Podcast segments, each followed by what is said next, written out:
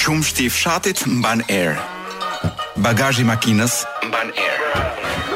Rojet e kryeministrisë mbajnë erë. Neoliberalizmi mban erë. Festivalet mbajnë erë. Lakra azier mban erë. Dosjet e komunizmit mbajnë erë. Plazhet e jugut mbajnë erë. Po ky është një emision që nuk mban erë. Sot nuk është e hënë në Top Albania Radio. Dhe kemi thënë më shumë se një herë që ky emision nuk mban erë me raste. Uh, por më duket sikur sot është një nga ato raste kur ne nuk mbajmë erë sepse uh, është shumë kollaj të don të mos mbash erë uh, kur jeton pranë bulevardit të madh të Dëshmorët e Kombit. i cili mban çuditërisht shumë erë. Ë, ndërkohë që një pjesë e mediave, në përgjithësi mediat rreshtohen, sa jo vetëm rreshtohen, por rreshtohen ë don rreshtohen në mënyrë pak perverse ë me palët politike. Pra ndërkohë që beteja e mediave ishte për të treguar, ishin shumë, ishin pak ë, dikush tentoi, një media tentoi që të lëshonte një dron që të mund të xhironte në mënyrë të tillë që të dukeshin pak, ca të tjerë xhiruan nga një kënd tjetër që dukeshin sikur ishin shumë në atë protestën e të shtunës. Por mua më ka bërë përshtypje vetëm një gjë në gjithë atë protestë. Ishte dëshmia e një burri që erdhi i dilte nuk ishte nevojë as mendonte çfarë thoshte se i vinte e gjitha nga brenda. Dëshmia e një burri që tregoi që kishte tentuar të vriste veten prej gjobave të mëdha dhe doli që ishte njeri që merrej me bujqësi. Dhe nuk mendoj që ka pasur një moment më dramatik në gjithë fjalimet publike të këtyre viteve të fundit se sa dëshmia e njeriu që thotë kam dashur të vras veten sepse më kishin vënë një gjobë 40 milion lek të vjetra. 40 milion lek të vjetra për çfarëdo lloj biznesi edhe për njerëzit më të pasur të Shqipërisë, nuk janë një gjë e vogël, se ai thotë 40 milion, thotë 40 milion unë mund t'i luaj. Pra, Është dyzet milionshi që mund ta luaj në kazino dhe nuk ma heq dot ky shtet. Ama ky shtet i ishte sulur një fermeri të vogël, që ku di unë sa mund të kishte, një lopë, dy lopë, tre lopë, dhjetë lopë, edhe donte t'i merrte shpirtin me 40 milion lek gjobë. Jam shumë kurioz të di kush i vë këto gjoba dhe Çfarë presim, do të thonë, çfarë logjike do të jepte qeveria e këtij vendi një njeriu që vret veten për shkak të gjobave që i vë shteti, ose që tenton ta vrasë të paktën. Kështu pra, e shtuna ishte një ditë proteste, një ditë proteste ku do na diku kuptohet një protestë që është një protestë e vërtetë sepse nuk kemi vipa. Pra nuk ka influencera, nuk ka këngëtare, nuk ka artistë të cilët na mbytën duke dalë dhe duke mbjellë pemë, po kur vjen puna për të protestuar për ca të drejta themelore, që mund të jetë, ku di unë, kostoja e jetesës dhe çmimet, nuk i sheh gjëkundi, sepse janë në përgjithësi artistët e partisë dhe vazhdimisht habitem kur shoh artistë që kanë kurajën në një vend si ky, ku partia mund të të lërë dhe pa punë, siç edhe ka lënë shumë të tjerë. Partia mund të të fusi edhe në burg madje për ja dy dritare që gjasme s'i ke bër, ë përkundrejt këtyre që kanë nga 20 kate tepër dhe sigurisht që nuk e meritojnë burgun para atij që kishte bërë ato dy dritare të vogla e, pale. Pra në këtë vend artistët nuk i dalin dot kundër partisë dhe janë të detyruar që ta mbajnë turinin ngjitur tek fundshpina e partisë. Dhe kur sheh njëherë, domethënë, kushedi disa artistë që dalin edhe mbajnë dhe qëndrime publike, kur dukshëm nuk kanë asnjë përfitim sepse të jesh në opozitë sot apo të jesh kundër sistem kundër regjimit apo qeverisë sot është faktikisht mënyra më e mirë për t'ia futur vetes, për të mos u paguar, për të mos të thirrur në koncerte, për të ndërhyrë për të të hequr nga puna etj etj. Dhe kur i sheh këta artistë që janë me kokrra, një 2 3 4 5 10 ndoshta, ja 20 maksimumi në gjithë Shqipërinë. Seç të kap një ngrohtësi nga brenda dhe thua ndoshta jo çdo gjë ka marr fund. Kështu pra një nga këta ishte Renis Gjoka dhe më vjen shumë mirë që Renisi është ka rikthyer këtë këngën në një botë shqiptarçe ku flitet vetëm për prostitucion, vetëm për femra, për drogë, për ku di unë seks, kush jam unë kush je ti, ka edhe tekste politike. Një hap përpara. Renis Gjoka dhe Big Basta në Top Albania Radio. Sot nuk është e hënë dhe kam përpara pasqyrën e lajmeve të javës që kaloi, për të cilën më ndihmon kolegu im, që është dhe skenarist ndër të tjera, Florenc Zerellari. Ë ngjarja ngjarja, dhe ngjarje nuk kemi, ne kemi vetëm kuriozitete nga vendi. Ë paska dalë një kuriozitet që aksidentet rrugore qenkan shkaku kryesor i traumave në vend. Ja të thellohem pak e, te ky lajm. Ky lajm ka dalë me sa kuptoj unë nga kryetari i shoqatës së traumave, pra paskemi dhe shoqatë edhe sigurisht që ka dhe një kryetar. Dhe traumat thotë janë si pasojë e aksidenteve me makinë apo me motor. Si me thënë, kemi rrugën e kombit, tani kemi edhe kombin e traumave. Domethënë nuk ka më bukur. Çfarë kemi tjetër? Një lajm që është pak a shumë i fundit, domthonë i sapodalë nga furra, ë zihen për portin e Durrësit. ë Balla i qenka vërsulur vërsulur Alibeajt, i paska thënë turp sepse do të punësohen 12000 persona. Tani ë pyes veten përveç fakteve të tjera që mirë mbas mbas ndërtimit të portit dhe kur këta 12000 të shkojnë në shtëpi, domethënë çfarë fiton Shqipëria përveç ku di unë, ja po themi 1000 të punësuarve në shërbim që nuk besoj se janë aq. Por nuk dua të diskutoj këtë. Më tepër jam kurioz të di zoti Balla ë ku do i gjejë ata 12000 veta që do punojnë, sepse unë mezi po gjej dy veta për të bërë banjën, sepse me çka kam kuptuar dhe me çka kam dëgjuar dhe me ç'po na thon, Çdo njeri që di të ngjisë dy tulla me njëra tjetër në këtë vend është në Gjermani duke ngjitur tulla gjermane, duke bërë banjo gjermane, duke ndërtuar autostrada gjermane dhe porte gjermane. Jam shumë kurioz të di se ku do i gjejë zoti Balla 12000 vetë për të punësuar, sepse nuk i ka. Përveçse nëse nuk sjell nja 12000 nepalezë apo bangladeshas, dhe në këtë rast i bie që ato ajo 12000-she në të vërtetë do shkojë për të lehtësuar barrën ekonomike të Bangladeshit. Dhe sigurisht zoti Balla do t'i do t'i bëjnë ndonjë bust atje dhe po themi në në majë të ku di unë ç'maja ka Bangladeshi, do duhet të ketë një majë atje ku të ngjisin, po themi, ta ngjisin zbathur dhe në këmbë bustin e Zotit Balla, uh, si ishulli i pashkëve, ishulli i ballëve. Uh, mo atje, në Bangladesh, njeriu që do punësojë dhe do zgjidhë hallet ekonomike të të gjithë Azisë së largët. Çfarë kemi tjetër këtu? Um, 150 euro nata, po kjo është e bukur. Mashtronin burrat e djegur, thuhet këtu në thonjëza në Tiranë. Paska filluar hetimi për dy të mitur. Bëhet fjalë për uh, nja dy kalamaj të vegjël.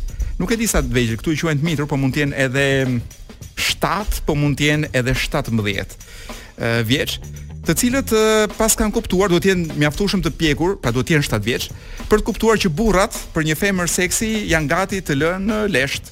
Kështu që çfarë kanë bërë? Kanë ngritur një kanë ngritur disa faqe interneti, kanë vënë ca foto vajzash të bukura që kush e di se ku i kanë gjetur, lart e poshtë në internet dhe kanë filluar të mashtrojnë burrat e përvëluar, të cilët shkonin, pra ftesa ishte kjo, shkonin tek apartamenti i kësaj zonjës, i kësaj vajzës, që sigurisht nuk ekzistonte, Dhe poshtë pallatit i prisnin këta dy çuna që merrnin paret në një zarf, njëqind e pesëdhjetë euro. Shkonin zotërinjtë sipër, i binin derës, edhe nuk gjenin asnjë. Tani çështja është mirë që paskan kapur këta mashtruesit e vegjël dhe normalisht të gjithë fokusohen tek mashtruesit. Unë jam thjesht kurioz ç'u bë me ata burrat që le të themi u ka ngecur në grykë. Domethënë kush do t'i shërojë ata tash nga seksi i mbetur në tentativë. Sepse imagjino domethënë, ata shkojnë për të bërë seks, nuk bëjnë seks, kanë humbur dhe 150 euro. A kemi kurajo ne që t'i a policia jonë që t'i dërgojë ata në punë, në shtëpi, domethënë në këtë lloj gjendje? Sepse mund të shkaktojnë dëme të mëdha. Kemi edhe këtë lajmin që me siguri e keni marrë vesh që është ringjallur një projekt i vjetër. Ishte idiot atëherë. Tani mund të jetë prapë idiot, por mund të jetë edhe i realizueshëm sepse Çdo idiotizëm që thoshte Nano dikur kur pinte dhe që i dukej si fantashkencë dhe atij të nesërmen, ë Rilindja sot po e vë të gjithën në zbatim. Pra propozimi i radhës është ky për të marrë ujë nga Shqipëria dhe për ta çuar në pra nga Gjirokastra dhe për ta çuar në Pulia me tubacion.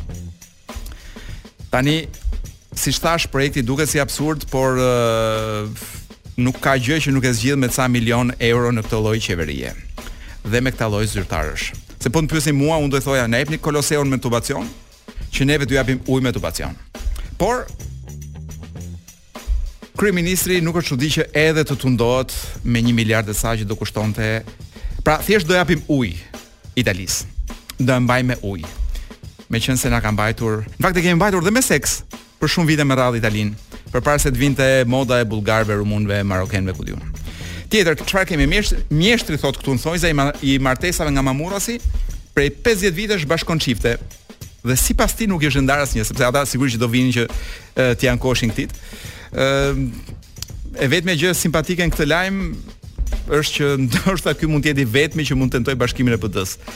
Pastaj për funksionin e martesave me Me shkuesi, për sa thotë ky, 800 çifte pretendon se ka martuar dhe i ka do dhe ka bërë martesa edhe ndërkombëtare, ka çuar deri në Mal të Zi, Serbi, Greqi, Maqedoni. Ku unë mendoj që nuk çojmë nuse, ne çojmë skllave në fakt, po ë nuk është ky momenti që të sqaroj këtë mjeshtër e martesave që qenka bërë dhe i famshëm në media. Sean Penn për ta mbyllur i ka dhuruar Zelenskit, Zelenskit i ka uh, dhuruar Oscarin e tij. Që është një gjë shumë e bukur në qoftë se siç thoshte, diku Ricky Gervais ë uh, një Oscar mund mënyra më mirë për t'u përdorur është për penetrim. Dhe në qoftë se Zelenski nuk do e përdor këtë në një marrëdhënie penetruese me Putinin, unë nuk e kuptoj se si mund ta ndihmojë ky Oscar luftën. Pra nuk shoh ndonjë dobi të madhe, po Ç'rëndësi ka në fund të fundit. Iku edhe kjo pasqyrë informative. Një gjë që mund ta keni dëgjuar, ndoshta dhe nuk e vrisni shumë mendjen, është që edhe botërori i Katarit mban shumë erë. Mban shumë erë sepse dhe aty paraja siç ka prishur prej kohësh futbollin e tjera, sidomos në këtë radhë, në këtë rast ë ka shkatërruar dhe gjithë emocionet që unë do kisha me botërorin e Katarit. Ë ka shumë zëra në botë të cilët kërkojnë bojkotim, sigurisht që bojkotimi nuk ndodhi. Pra aktorët e mëdhenj të politikës, medias, sportit nuk e bojkotuan Katarin sepse siç thashë në mes është paraja. Po unë do t'ju jap 10 arsye pse unë kam në plan që ta bojkotoj botërorin e Katarit, të paktën e kam në plan sonte, sepse si gjithë shqiptarët mund të ndërroj mendje 2 orë para se të fillojë botërori. Kështu pra 10 arsye pse unë dhe nuk dua të bëhem shembull i keq për asnjë tjetër, por po flas vetëm për vete, pse unë do ta bojkotoj botërorin e Katarit. Ashtu dhe, çfarë kemi këtu? E para sepse është botor, botërori më i kushtueshëm në histori. Pa përfshirë këtu milionat e përdorura për të blerë votat e FIFA-s si edhe për larjen e imazhit. E dyta, sepse nuk luan Italia, kështu që më duhet një justifikim, si me thënë, që edhe hiqem sikur bojkotoj për një kauzë të madhe, por në fakt e kam justifikimin brenda. E treta sepse kemi rastin të lajmë homofobitë tona të së shkuarës, duke dalë kundër shtetit homofob të Katarit, ku homoseksualiteti është i paligjshëm. Pra ata thërrasin nja një me miliona burra aty brenda dhe pretendojnë që ata burra të mos preken dhe të mos puthen me njëri tjetrin. Pra se si kanë ndërmend ta përmbajnë homoseksualitetin sportiv nuk e di. Ëh, sepse e katërta sepse ndeshjet do luhen nëpër stadiume të mbyllur me kondicioner, ndërkohë që ne këtu po kërcënohemi rregullisht nga qeveria. me fasha kilovatësh. Ashtu de. Dhe është krizë botërore, domethënë, për vetëm për kondicionerët atje, do harxhohet sa do harxhojë ku di unë gjithë Ukraina në dy vitet e ardhshme, energji elektrike. E pesta për solidaritet, sepse me ç'po dëgjoj, ky botërori i Katarit shijohet vetëm në televizor nga këta të fundit me ekrane 4K, Dhe unë solidarizohem me gjithë ata që kanë televizor që janë akoma kështu si formë luge me atë ekranin ashtu.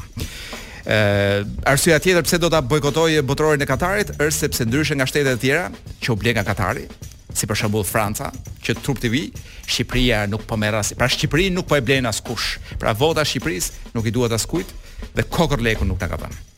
Ë, arsyeja tjetër për të bojkotuar është se meqenëse ne jemi një popull që nuk bojkoton kurrë asgjë, Ëm mendova që mund të jap një shembull se si mund ta fillojmë nga një gjë që nuk na lodh shumë, që është botërori, për shembull do ishte një hap shumë i mirë, një hap i parë ideal do thoja unë për të filluar bojkotimet. Një arsye tjetër për të bojkotuar botërorin është sepse është diçka shumë e lehtë. Domethënë është një bojkotim që nuk kërkon shumë mund, mjafton të fikësh televizorin. Ndoshta dhe YouTube-in. Ë dhe e fundit, sepse kemi shans, shansin që të paktën një herë në jetë të bëjmë gjënë e duhur. Ta bojkotojmë atë botëror të turpshëm. Çfarë kemi këtu? Kemi një këngë. Do të duket sikur po duket sikur po vjen makina e xhenazes. Bom, bom, bom. E, kjo është një këngë 33 vjet e lashtë. E kishin shkruar dhe kishin hedhur në një cep. Dhe ashtu siç shkoni ju nganjëherë dhe hapni ku di unë dollapin dhe gjeni një palë një, ose një bluzë ose një palë çorape të vjetra që keni nja 5 vjet pa i veshur, ose një palë tuta, dhe Queen gjetën këtë këngë. Face it alone. Sot nuk është e hënë dhe në si me thënë, në nuk do thoja për pak në përkujtim, por do më mirë po them në vlerësim të faktit që askush nuk blen më libra në këtë vend dhe aq më pak lexon. ë uh, është një arsye më shumë që ne të vazhdojmë dhe të lexojmë libra, madje edhe më gjatë se ç'e bëjmë normalisht. Kam në dorë të njëjtin libër që kisha edhe javën e kaluar dhe një javë përpara. ë uh, është hera e fundit që unë e mbaj në dorë dhe ju e dëgjoni nga goja ime fjalinë kërkohet një burrë Impotent. Sepse ky është titulli i librit nga kjo gjermanka Gaby Hauptmann, Botimet Onufri, është shitur në mijëra kopje. Ë është gjithsesi një libër interesant ku gratë flasin njëra-tjetrën. Për ata që nuk na kanë dëgjuar në javët e kaluara, Carmeni që është personazhi kryesor, e bezisur nga fakti që kudo që shkon meshkujt kanë mendjen vetëm tek pamja e jashtme, shkon në mbledhje burrat e shohin vetëm për seks, kur them për seks, jo, por për joshje kështu seksuale, për flirtim, shkon në shtëpi, i dashuri është shumë i ndezur, nuk pret as çfarë as që ta dëgjojë se çfarë dhe si e ka kaluar ditën. Vendos që të kërkojë një burrë që të jetë inteligjent, që të jetë i mirë, të jetë ashtu, por të ketë një një veçanti që të mos dijë të bëjë seks. Ja mos dijë të bëjë seks, mos mos ketë qejf të bëjë seks. Pra të jetë çik si impotent. Dhe jam ku jam këtu tek fundi i librit, pak a shumë. Është momenti ku Carmen flet me ë uh, psikiatren e vet. Fal me psikoterapisten e vet. Ë uh, Izabela shkon sërish tek aparati i kafes, merr pak qumësht nga frigoriferi i vogël dhe pret derisa kafeja të bëhet gati. Carmeni, që ndodhej në divan, ia miraton me kokë. E marr me mend. A janë të përhapura këto çrregullime? Unë u çudita kur m'u paraqitën kaq shumë meshkuj të tillë. Ata arrijnë deri në 10%, ia kthen Izabela. 10%. Atëherë duhet të jenë dhe mbi këtë bazë llogarit shpejt e shpejt, përafërsisht 3 milion meshkuj. Si është e mundur? Kjo më duket si kjo më duket si shumë. Shifra i afrohet, Izabela sjell kafenë deri te tavolina dhe e shtie në filxhan. Po si ia bëjnë atëherë, gjithë këta meshkuj me impotencën e tyre. Dua të them, si ka mundësi që nuk flitet aspak për këtë gjë? Ah, kjo është bërë tashmë temë e ditës, nëse njeriu i kushton vëmendje, atëherë do të jetë në gjendje ta dallojë. Nëpër dyqanet e mëdha janë ekspozuar prej kohësh materiale që flasin për këtë fakt. National Institute of Health ka organizuar një takim me qytetin Bete, në qytetin Betezi në shtetin Maryland, Shtetet e Bashkuara të Amerikës.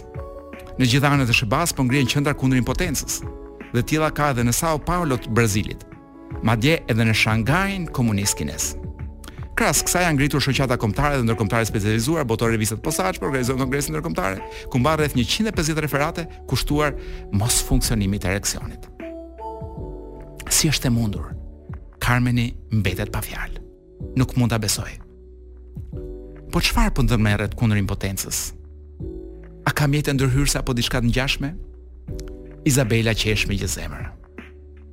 Kjo është pikërisht ajo që mendojnë burrat kur e shohin se nuk kanë rrugdalje. Ata i drejtohen mjekut dhe kërkojnë trajnime, trajtime teknike me ndihmën e aparaturave, të bindur se kjo do të jetë zgjidhja e problemit. Në të kundërt, nuk e pranojnë trajtimin psikologjik. Shumica e pacientëve mendojnë se impotenca ka zanafillën te dëmtimi në një organ, sepse sipas tyre, ashtu duhet të jetë e vërteta. Prandaj mund ndërhyhet me mjekim. Por shkaqet mund të jenë çrregullime psikike, proceset e pjekurisë, sëmundjet e enëve të gjakut, ndryshimet në organet gjenitale, dëmtimet ose aksidentet. Aha, aksidenti shkon ndër Aha, aksidenti shkon ndër mend Karmenit. Në pjesën më të madhe të rasteve, këta meshkuj u tremben problemeve psikike, vazhdon Izabela, ndërsa shtie kafenë që avullon në filxhan. Dhe as që e marrin dot me mend se ç'është ajo. Diçka nuk shkon tek ata. Një zbulim të tillë e konsiderojnë si turp. Dhe kur mjeku u lutet që në seancën tjetër të sjellin me vete partneren, tregojnë reagojnë me shumë zemërim. Jo, jo, ajo nuk ka të bëjë fare me këtë. Në përgjithësi gjithçka është në rregull në shtëpi. Kjo është përgjigja e meshkujve. Ja pra, kështu janë këto gjëra. Karmeni gjallërohet. Është përqeshur. Para ko, para pak kohësh kam takuar rastisht për burra të lavdishëm si Eisenhoweri apo Ludvigu i 16, të cilët kanë qenë gjithashtu impotentë. Aty ndesha një mendim që s'e kisha që s'e kam harruar sepse E çmova realisht.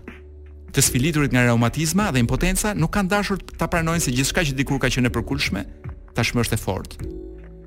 Ndërsa ajo që dikur ka qenë e fortë, tashmë është e përkulshme. Izabela vë buzën në gaz. Është e vërtetuar se impotenca për cilindo mashkull të prekur prej saj është një poshtërim narcizist. Dhe kjo me sa duket është veçanërisht e qartë tek baroni juaj von Kaltenstein. Do të kisha shumë dëshirë që ai të vijë në dispozicion përvojës tuaj. Karmeni pi me kujdes një gllënjkë të vogël kafe të nxehtë dhe duke tundur kokën shton. Por siç jua bëra të ditur, nuk besoj se do të jetë e lehtë që të vijë.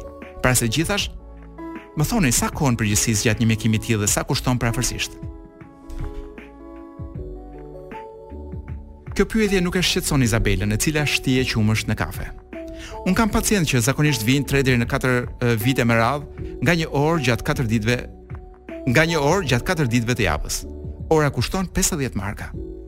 Karmeni shtanget. Çfarë? Një orë 50 marka? dhe në mënyrë të pavetëdijshme vështron orën. Ajo ishte 14. Jashtë diçka po ndodhte. Tashmë dëgjoheshin zëra të qeshura dhe ndezja e kompjuterave. Mos u shqetësoni, e qetëson Izabela. Juve nuk ju kam përfshirë në rastet e veçanta, kjo ishte më tepër një bisedë e lirë. Por nëse nëpërmjet jush do të arrij të marr si pacient Stefan von Kaltensteinin, atëherë pagesa patjetër do të jetë edhe më e madhe. Nuk di ç'të themi, përgjigjet Karmeni, e cila papritur ndihet e zënë në kurth. Ndoshta mund t'i afroheni nëpërmjet Elvirës. Sidoqoftë, i thotë uh, Izabela, përpiquni. Por atëra kjo nuk ka të bëjë fare me problemin tuaj. E po mirë, Karmenit i duket sikur diçka i ka mbetur në fyt. A mund të tregoni shpejt e shpejt cilat janë mundësitë për t'u shëruar nga impotenca? Pra e kam fjalën thjesht për rastin me origjinë organike, për shembull, të ndodhur pas një aksidenti. Izabela është e ulur përmbi, këmbë përmbi këmbë përballë saj, ndërsa me pëllëmbët e veta të vogla mban mbërthyer filxhanin e kafesë. Tamam sikur do të pijë direkt prej tyre. Pastaj përkulet paksa përpara duke vazhduar të mbajë në duar filxhanin. Ka proteza në formë gjysmëharku që përbëhen nga kapse plastike pjesërisht përkulshme, të cilat vendosen tek indet e aktivizimit të organit mashkullor. Pastaj është terapia me autoinjeksion për indet që quhen skat, gjatë të cilave vetë meshkujt po e vazhdoj me me kurajo deri në fund këtë pjesë sepse qenka një pjesë sikur po lexon Wikipedian, por besoj që publikut tonë do t'i interesojë. Ë pra vendoset kjo gjëja po thonim a, auto autoinjeksioni për indet që quhen skat, gjatë të cilave vetë meshkujt injektojnë substancën që zgjeron enët e gjakut të penisit.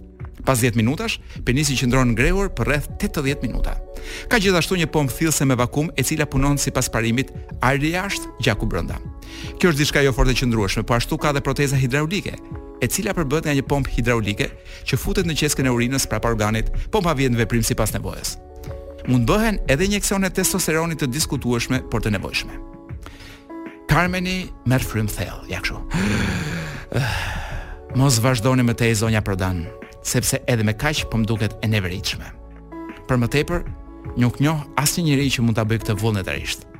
Siç po thoni ju, 10% e meshkujve përpiqen të kurohen në ndonjë lloj mënyre. Po kjo më duket e tmerrshme. Përse ata nuk e pranojnë realitetin ashtu siç është? Sepse femra si ti, që kërkojnë burra impotentë, janë shumë të rralla. Karmeni tund kokën. Po a nuk duhet të jenë vetë meshkujt ata që të mendojnë të parët kështu. Tani më kujtua pluhuri nga kocka e hundës së rinoqerontit që është një maskarallëk. Të zhdukësh një kafshë të tillë vetëm për të siguruar një ilaç, suksesi i të cilit bazohet bes, bazohet tek besimi dhe mrekullia. Izabela ja kthen. Ktu është fjala për një sipërmarrje të madhe. Tregtarët gjermanë me mjetet e tyre për të rritur potencën sigurojnë disa qindra miliona marka fitim, gjë që askush nuk ka dëshirë ta humbasë. Veçanërisht kur bëhet fjalë për para, mbrojtja e kafshëve del në plan dytë. Izabela pi pakëz kafe duke mbajtur filxhanin me të dyja duart. Po psikoterapeutët, Carmeni zgjat e nervozuar mjekrën. Izabela fillon të qeshë. Ne kemi një vlerësim të lartë për veten. Ë uh, këtë pjesën me që është shumë informative me ë uh, me psikoterapisten po e kaloj dhe po shkoj në faqen e fundit sepse kemi vetëm 1 minutë kohë për të parë si merr fund kjo dramë. Ë uh, është Carmeni me këtë burrin këtu Shtefanin. Jo më fal me Davidin. Këtë radhë, po. Domethënë më paske parë në kafe Mohren. Karmeni tund kokën me habi. Pra ti paske qenë ai që ishte ulur vetëm në tavolinë. Prandaj pata një ndjesi të çuditshme sapo të pashë në derë. Dhe pastaj luajte me mua sikur të isha majmun. Vallë, nuk e kupton se kjo është e neveritshme. Për mua shumë e thjeshtë sepse doja të shihja përsëri dhe këtu nuk ka asnjë majmunllëk, por ishte vetëm një merak për ty. Ndërkohë munda të analizoja edhe sjelljen time ndaj femrave. Prandaj mendova se për pak kohë impotenca do më bënte mirë, kështu që e zgjidha problemin. Pra nuk të kam gënjyer. Carmeni është krejt e ngurosur pranë tij. Po më pas, më pas që në takimin tonë të parë rashë në dashuri me ty. Me kalimin e kohës m'u bë gjithnjë më vështirë, përfundimisht nuk munda të tërhiqesha më. Sa herë që të pyesja nëse të interesonte impotenca ime, ti gjithnjë ma pohoje. Çfarë mund të bëja atëherë? Pra siç kuptojmë ky burri nuk ka qenë edhe aq impotent gjatë kohës që shkonte me këtë, domethënë u lidhën bashkë dhe kjo e dinte për impotent. Për herë të parë Carmeni fillon të qeshë. e pohoja sepse nuk doja të shkaktoja dhimbje. Dhe ky ja kthen. Madje këtë gjë e ke pohuar edhe herën e fundit, kur në kundërshtim me çfarëdo lloj arsyetimi u bëra gati të hidhja kartën e fundit. Unë të pyeta nëse impotenca ime ta acaronte nervat. A të kujtohet? Carmeni pohon me lëvizje koke. Ndërsa ti m'u përgjigje, jo, ajo më pëlqen. Çfarë duhet të bëja tjetër? Unë tmerrohesha se mos të humbisja, sapo të mësoje se më pëlqente të isha potent. dhe vështron me të shpejtë Izabelën. Ashtu është. Gjithë kohën ai më rrinte i tendosur brenda pantallonave. Carmeni i hedh duart në qafë dhe i thotë, "A këtu e paska burimin ajo komedia jote që gjithë kohën më largoheshe, ndërsa unë nuk guxoja të të afrohesha." Ky i thotë, unë nuk mund ta zhdukja si me magji dhe as ta mbaja lidhur, por vetëm ta fshihja thellë midis xhinseve e të tjera të tjera. Pra fundi që ka i lumtur. Ky burri sipas ka qenë dhe aq impotent, ë përfundon në martesë në Top Albania Radio. Mirëmbrëma, mirëmbrëma, mirë se ju gjej, mirë se të gjej Kolo. Mirë se erdhe Blerina. Mund të shtoj disa ambiente të tjera që mbajnë erë kësaj listës tënde? Të lutem, mezi po pres. Biblioteka Kombëtare mban erë. Ajo mban mbante erë e shkreta që kur i shpërthy. Akademia e Shkencave mban erë. Libraritë nëpër Tiranë dhe në të gjithë Shqipërinë mbajnë erë, por ky është një program që gjithashtu nuk mban erë. Jam kurioz të di, e, meqenëse k- Amerika ka atë librarinë e famshme të Kongresit.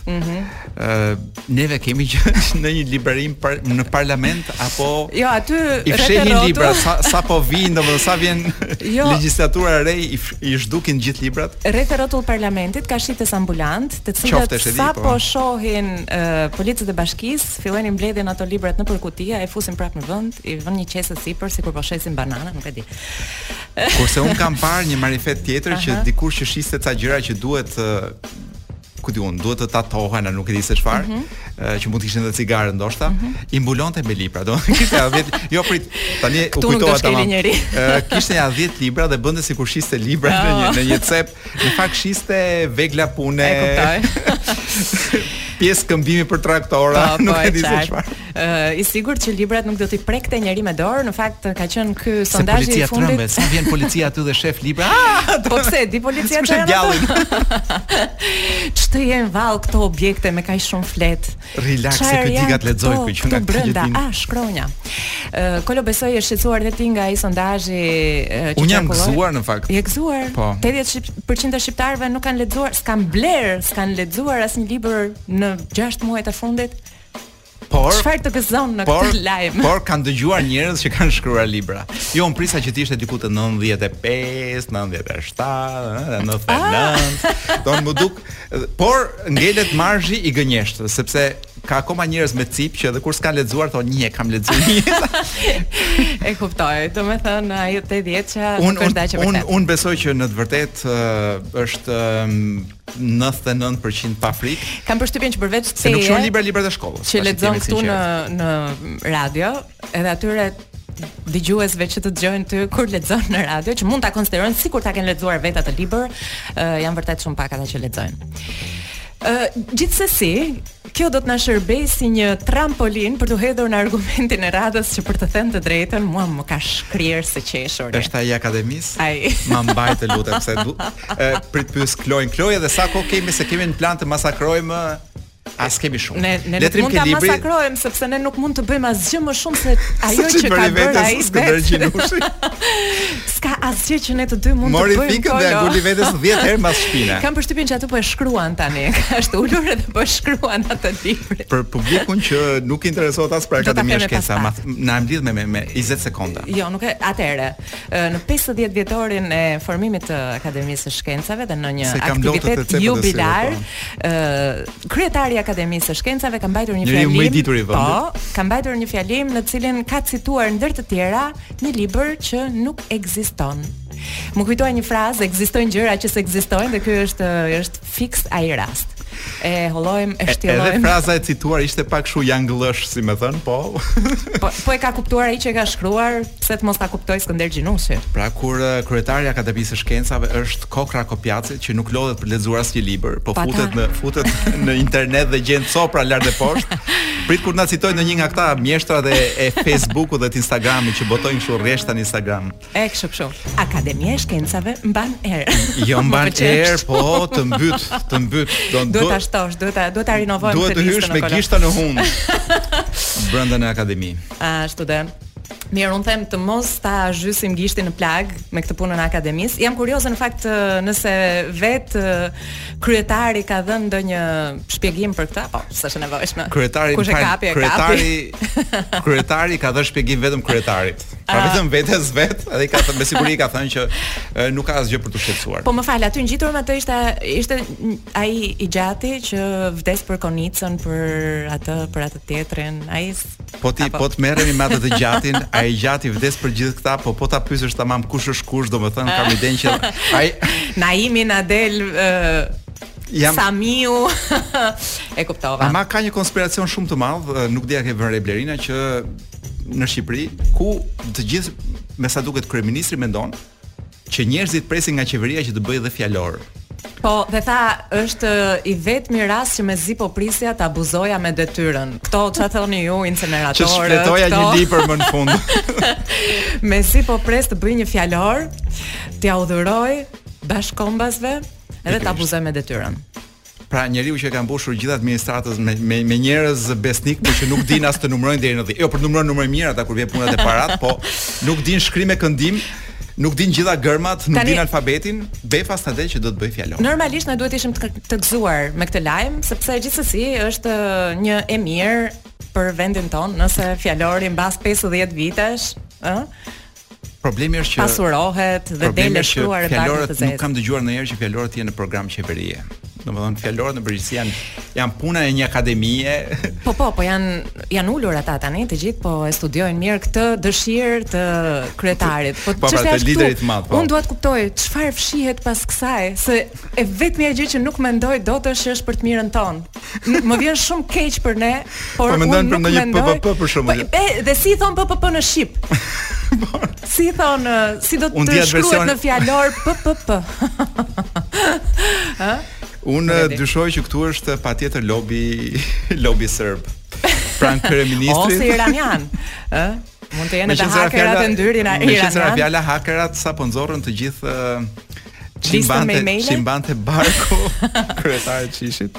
Nëse jemi është po themi fjalia po. që na e kanë ulur pantallonat nuk rri më sepse na kanë ulur dhe ato që kishim nën pantallona. Po ne i kishim zbërthyer vetë o kolo. Ne jo vetëm zbërthyer, po ne i edhe u kalonim duke u tundur përpara atyre. Dhe ata thonë po kjo do vetë për Shqipërinë. Kjo po na kërkon vetë. Se ata dhe nuk të pyesin shumë. Kështu kam dëgjuar, domethënë. Blerina, një gjë, po gjëja që dhe të kalojmë te ping-pongu i po. lajmeve nga bota, ë mm -hmm. uh, sa për t'u shplodhur nga këto uh -huh. dramat e vendit. ë uh, mund të them të rrimë në fushën e e, e kryeministrave. Po. Unë po lexoja që është një mace që rri në ë që rri në zyrë, rri vërdallë në zyrat e, e kryeministrit mm -hmm. britanik. Ah, sa e mirë. Që quhet Larry. Po. Larry the Cat, e njeh gjithë Britania. Shiko, të tregoj dhe foton, shiko si e veshin Lerri në vend dhe papion me ngjyrat e flamurit britanik. Po. Sigurisht ia tregoj Blerinës. Shumë e gjerë. Nuk ka po problem, mund ta gjeni në YouTube. Po, ë Por ky Lerri që thua ti uh -huh. ka kaluar nja katër kryeministra. Oh. Është nga ata kështu që rri domethënë me një moskokëçarje të madhe dhe kanë filluar të kuptojnë që në fakt domethënë kryeministri jonë është bërë si Lerri dhe kalojnë macet, vijnë macet 20 vjet ngordh macja e parë në kryeministri 20 vjeç, ngordh e dyta, po ngordhin papagajt, do i ngordhin dhe breshkat që janë 100 vjeçare. Sa desha të thoja që ai do jetë prapë atje. Në Shqipëri do ta kishte pasur jetën e shkurtër. Ë, uh, nuk e di nëse ne kemi kohë që të vazhdojmë me ping-pongun e lajmeve. Okej. Okay. Sa të na presë uh... Ankloe, Ankloe? Po. Vazhdojmë Kloja apo jo? Vazhdojmë. Mirë, atëherë unë do të të surprizoj me një lajm që na vjen drejt nga Shtetet e Bashkuara të Amerikës. Ëm um, është një situatë sa për të qeshur, ashtu edhe për t'u habitur fort. Ë uh, në aeroportin e Floridas, policët kanë gjetur që një qytetar transportonte një pulë. Një pulë Si ti pula hungareze. Po djath kishte se po të ishte shoqëruar me një rrotë djathi vinte nga Shqipëria. Tani der këtu gjithçka u është dukur normale dhe atyre që s'janë mësuar me kështu skenash, der në pikën që kanë zbuluar që brenda në pulë fshihej një uh, pistolero. Pistolero, pra, bambolero. Pra, është është historia e asaj armës brenda në pulë. Po. Pse është e famshme? Jo. E lexova diku në një nga këto manuale se çfarë nuk duhet bësh në aeroporte. A, të fusësh një pistoletë, një pistoletë në pulë. Në pulë. Që më duket një, po themi nga ana e atij që ka futur një një përkujdesje e madhe që mos shqetësojë të tjerët. me me, me i shqetësojë me aromën e pulës, po jo me me me pamjen e pistoletës. I bukur ka qenë edhe ë uh, citimi i policisë që ka shoqëruar lajmin, i cili ka thënë uh, duam të falenderojmë policët tanë uh, që punojnë 24 orë në 24, sa më shumë i afrohemi ditës së uh, falenderimeve ku pula është edhe simboli i kësaj feste, por ju lutem mos e fusni pistoletën në zogun tuaj. Ky ka qenë lajmi i policisë. Dhe dhe ka bërë shumë mirë. Uh, unë mund të them që në po themi një dritë të mirë për shqiptarët, shqiptarët çfarë s'fusin në në Amerikë, por pula jo. Banane. Jo. Shqiptarët i fusin te bananet. jo, këtë, kjo është në dalje, kur okay. i nxjerrin për te. Jo, po themi që ne çojmë rreçel, djath, ku di unë çfarë i shkon goja lëng. S'na ka vajtur mendja. Bashkatdhetarëve të ikur atje, domethënë ne e çojmë po pulë nuk na kanë kërkuar kurrë. E vërtetë. Dhe pistoleta jo sigurisht. Blerina është nuk di a ke dëgjuar për atë burrin që hodhi, s'ishte burrë, faktikisht ishte djalosh. Ëh. Uh -huh. I cili hodhi mbretit vezë. Jo. Oh. Po i gjuajti mbretit uh, britanik vezë. Ky është ky është mbreti i gjysmës shqiptarëve që tashmë janë në Britani. Ah, okay. pa letra. Pra ngelën tanët të shkretët thjesht se s'kanë akoma letra dhe mm, e goditi me vezë, ndërkohë që ky bënte një vizitë, ku di unë, uh -huh. nga këto publiket. Po pse? Dhe po kishte arsyet e veta. Po. Që mund të ishin nuk e di a i doli koha t'i thoshte arsyet sepse ka e kapën. E kapën menjëherë. Ëh uh -huh. dhe gjej se çfarë si e kanë dënuar. Domethënë, përveç se nuk e kanë prekur me dorë të tipit ta rrahin, ta nxijnë siç të bëjnë këtu, uh -huh. domethënë që të mbajnë në ajër në polici. Mendoj uh, që e kanë dënuar të mbarështojë pulat. Jo, e kanë dënuar që ai nuk lejohet të dalë më me me vezë oh, në publik. Oh, bëj çfarë të duash, por jo me vezë. A, a, e futa një kokërr vezë në xhep? Pra, jo, në asnjë vend publik. Në banjon tënde, në shtëpinë tënde, edhe në balkon mund të dalësh sa të duash me vezë, jo në vende publike. Po nëse të kalon mbreti aty poshtë balkonit tënd dhe të tundon ai shumë po sa ta gjuash me një vezë. po tash po të erdhi, e... ciapi, unë them, Nuk e di pse unë nuk e kam të gjitha lajmet me polici, megjithëse kjo me polici ishte kjo jotja, po e, një tjetër lajm që vjen nga Italia është që një djalë i ri, spaçator, i thjeshtë, i zakonshëm, krahas qeskave me kokainë. Quhet asistent Blerina nuk quhet më spaçator. Au, oh, asistent i kujt? Po, Asist... i kryeministrit. Pra. Asistent relaksi quhet. Oh, shi shi. Interesant. Pra një asistent relaksi krahas qeskave me kokainë i është janë kapur. Ah pa më fal. Ky këta të kokainës nuk janë relaksi. Po pra, se ka një Hashash është. Asistent po themi parlamentarësh, po? Po. I kanë kapur disa qeska me sheqer pluhur Pra, ai Ku ja kanë shihte kapur? kokainë tek më ekspertët dhe sheqer pluhur tek më tek fillestarët, le të themi. Pra, një njeri i mirë, që Një nuk njeri- donte të bënte dëm këtyre Eksakt. këtyre që nuk merrnin vesh nga kokaina. Dëm shëndeti, dëm xhepi. Nuk di a të sa ka rastisur duash. ndonjëherë ty të marrësh sheqer nga hunda. Mua më ka rastisur kur isha i vogël që hanim atë bukën me sheqer të famshme, domethënë kam thithur Po disa pse nga herë. hunda? Të bie ballit, nuk ka kokainë që ta jep atë efekt. Domethënë sheqeri i marrë nga hunda. Ecim me një këngë tjetër. Unë kisha se- një gjë për brokolin, po Unë me ka. e, Pas pak ora. Jo, jo. Brokoli iku prapa. Mos, mos. Brokoli nuk do thuhet më në këtë radio. Po shkon me sheqerin pluhur. Shkon dhe me Zucheron. Dhe në studio është Blerina Shehu dhe Koloreto Cukali. Për një ditë që nuk është e hënë dhe Blerina nuk e di a ta kam thënë. Ndonjëherë. Domethënë jam përpjekur të të ruaj në këtë. Ka gjëra që s'm'i ke thënë, po. Sepse përpiqem të të ruaj. Pra nuk dua të të shkaktoj dëme të shëndetit mendor, por ka ardhur momenti sepse po vjen pika që nuk mund ta mbaj më sekret. Ah, po unë dhe Dua Lipa do të bojkotojmë uh, botërorin. Jo, për Dua Lipën e di po ti pse jo? Ti po, ke dhënë një listë të gjatë në fakt, Dua Lipa një arsye nuk... kishte. unë nuk doja ta lija Dua Lipën vetëm. Tani unë un kam një listë me shumë pika ë për të cilat do t'ju lutesha ty, po sidomos Dua Lipës të mos ta bojkotojë botërorin. Mirë, vetëm zgjidh se e di që ke shumë lista gjërash. Janë shumë, nuk kam kohë të them gjitha. gabuar për shkakun listën e njerëzve që ke vendosur. Ti bësh hasha. Atëherë unë do ta them kështu. Koloreto Cukali dhe Dua Lipa, ju nuk duhet ta bojkotoni botërorin e Katarit sepse futbolli dhe specifikisht botërori është e vetmja shfryrje jo seksuale për meshkujt shqiptarë dhe mungesa e tij do të shkaktonte një krizë psikologjike dhe ekonomike të paprecedent. Unë e marr përsipër. që t'i vuaj këto pasoja, po nuk e di a merr përsipër Dua. Koloreto Cukali dhe Dua Lipa, ju nuk duhet ta bojkotoni botërorin sepse korrupsion të niveleve të larta apo vdekje të minatorëve dhe punëtorëve të ndërtimit ka plot edhe në Shqipëri dhe askush nuk ka bojkotuar asnjëherë asgjë ndaj ju lutem mos bëni sikur papritur u zgjuat dhe jeni kaq të devotshëm për të bojkotuar gjëra botërorin. Koloreto Cukali dhe Dua Lipa, a doni ju të shkoni në në Gjantaka? Ju po, po. nuk duhet ta, ta bojkotoni botërorin e futbollit sepse dhe kjo është arsyeja thelbësore turpërojmë liderin tonë global. Po mirë mo Kolo, me çfarë fytyre do t'i dalë përpara ai atyre aty në Katar. Sheik Emirit të Katarit. Dua u e ktheu. Mas kësaj. E pra, mo Dua sapo e ktheu, unë do rezistoj edhe pak. Pas gjithë të bojkot. Shëtitjeve me skaf nëpër jugun e Shqipërisë. Po pra, Dua çdo gjë mund të bëjë, por jo të dëmtojë qeverinë shqiptare ose bashkinë e Tiranës në çfarëdo lloj forme. Koloreto Cukali dhe dhe Dua Lipa ju nuk duhet ta bojkotoni botërorin e futbollit sepse Kupa e Botës në fund të fundit është një biznes. Dhe si gjeneratë biznesi dhe dashnorësh të kapitalizmit që jemi, arrijmë t'i kuptojmë ca gjëra më mirë se pjesa tjetër pseudomoraliste. Hajde tani. pjesa tjetër i mund dhe Dua Lipa do. pjesa tjetër ja. Ne po, moralistët po, e mëdhenj, po. po. Dhe uh, duke vazhduar dua t'ju them, ty Koloreto Cukali dhe ty moj vajzë Dua Lipa, ju nuk duhet ta bojkotoni botërorin e futbollit sepse është shumë vonë tashmë. Flamujt janë varur, bluzat janë blerë, fuçitë janë mbushur me birrë dhe nëse çoni dëm këto shpenzime ekonomia e brishtë shqiptare futet direkt në recesion. Ç'më the, ç'më the. Të tjera kam dhe një arsye tjetër sepse erdhi koha Dua Lipa dhe ti more Koloreto Cukali që t'i kthejmë borxhin Katarit për njohjen e pavarësisë së Kosovës. Që atë unë do i kthej borxhe të tjera Katarit, po atë borxhin e, e pavarësisë e ka me Duan ai, nuk ka me mua, por le të themi që po e rimendoj seriozisht të bojkotimin sepse ë uh, nuk, nuk dua nuk dua të dëmtoj RTSH-në në audiencë, domethënë duke ikur dhe unë. ë sepse si për botëror, për botëror ndoshta çik më shumë, po për festivalin e rtsh vetëm mua më ka, duket në audiencë. dhe nuk dua ta lë edhe pa festival, domethënë. Rtsh ti vish ana ashtu dëgjova apo dëgjova thua.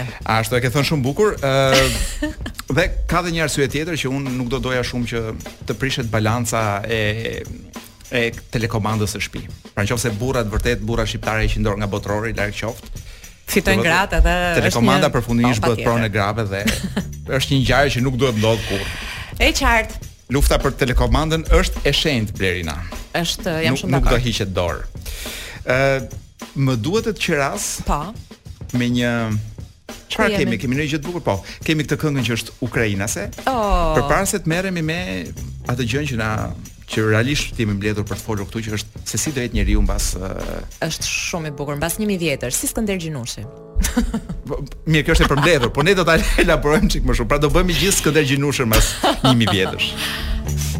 Ka filluar të mbajë erë dhe teknologjia. Sidomos kur nuk i pastron shpesh, pra nëse nuk i pastron shpesh. Pajisjet. Pajisjet që përdor, do fillojnë të mbajnë erë, siç thua ti. Tani, Duam të shqyrtojmë një uh, lajm që ka qarkulluar uh, gjerësisht këto ditë dhe që disa i ka shqetësuar shumë, të tjerë nuk e kanë vrarë fare mendjen se ç'na duhet ne se ç'do të ndodhë me ne pas 1000 vjetësh, ha? Është dhe një palë tjetër ku hyj dhe unë që janë të acaruar për një gjë tjetër, po ta fillojmë me palën e parë një herë. Që janë shqetësuar me modelin e Mindit.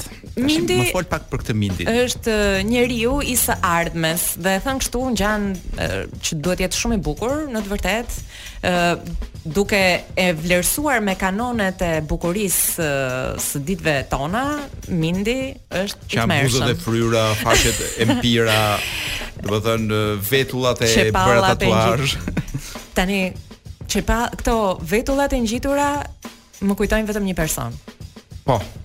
Atë liderin e mendjes në Shqipëri, trurin që s'ka, i vetë Akademisë së shkencave. Po nejse.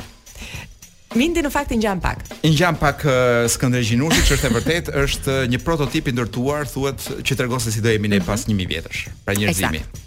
Është një femër, pra ka dashur të tregojë si është femra pas 1000 vjetësh, se mashkulli mund të jetë edhe si Ledri Vula pas 1000 vjetësh. Po, sepse, po femra u kuptua që do jetë kështu. Po, femra se dallohen qartë ato gjërat që varen, domethënë të vendosin.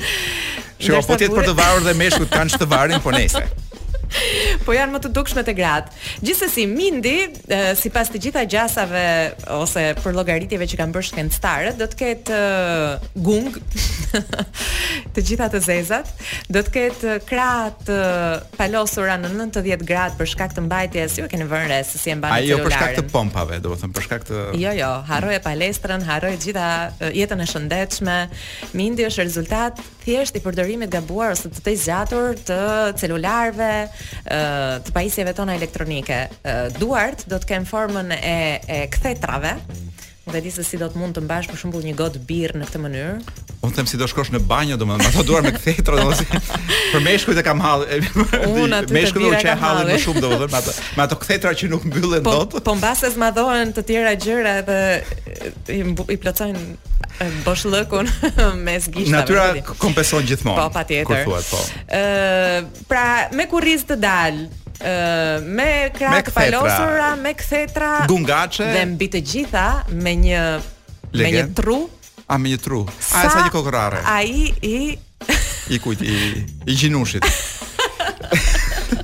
se don mos e përmendim shumë se un nganjëherë gjëra që flasim në emision më dalin në ëndërr. Oh. Dhe mendoj që është një dramë e madhe që të të dalë Skënder Gjinushi në ëndërr.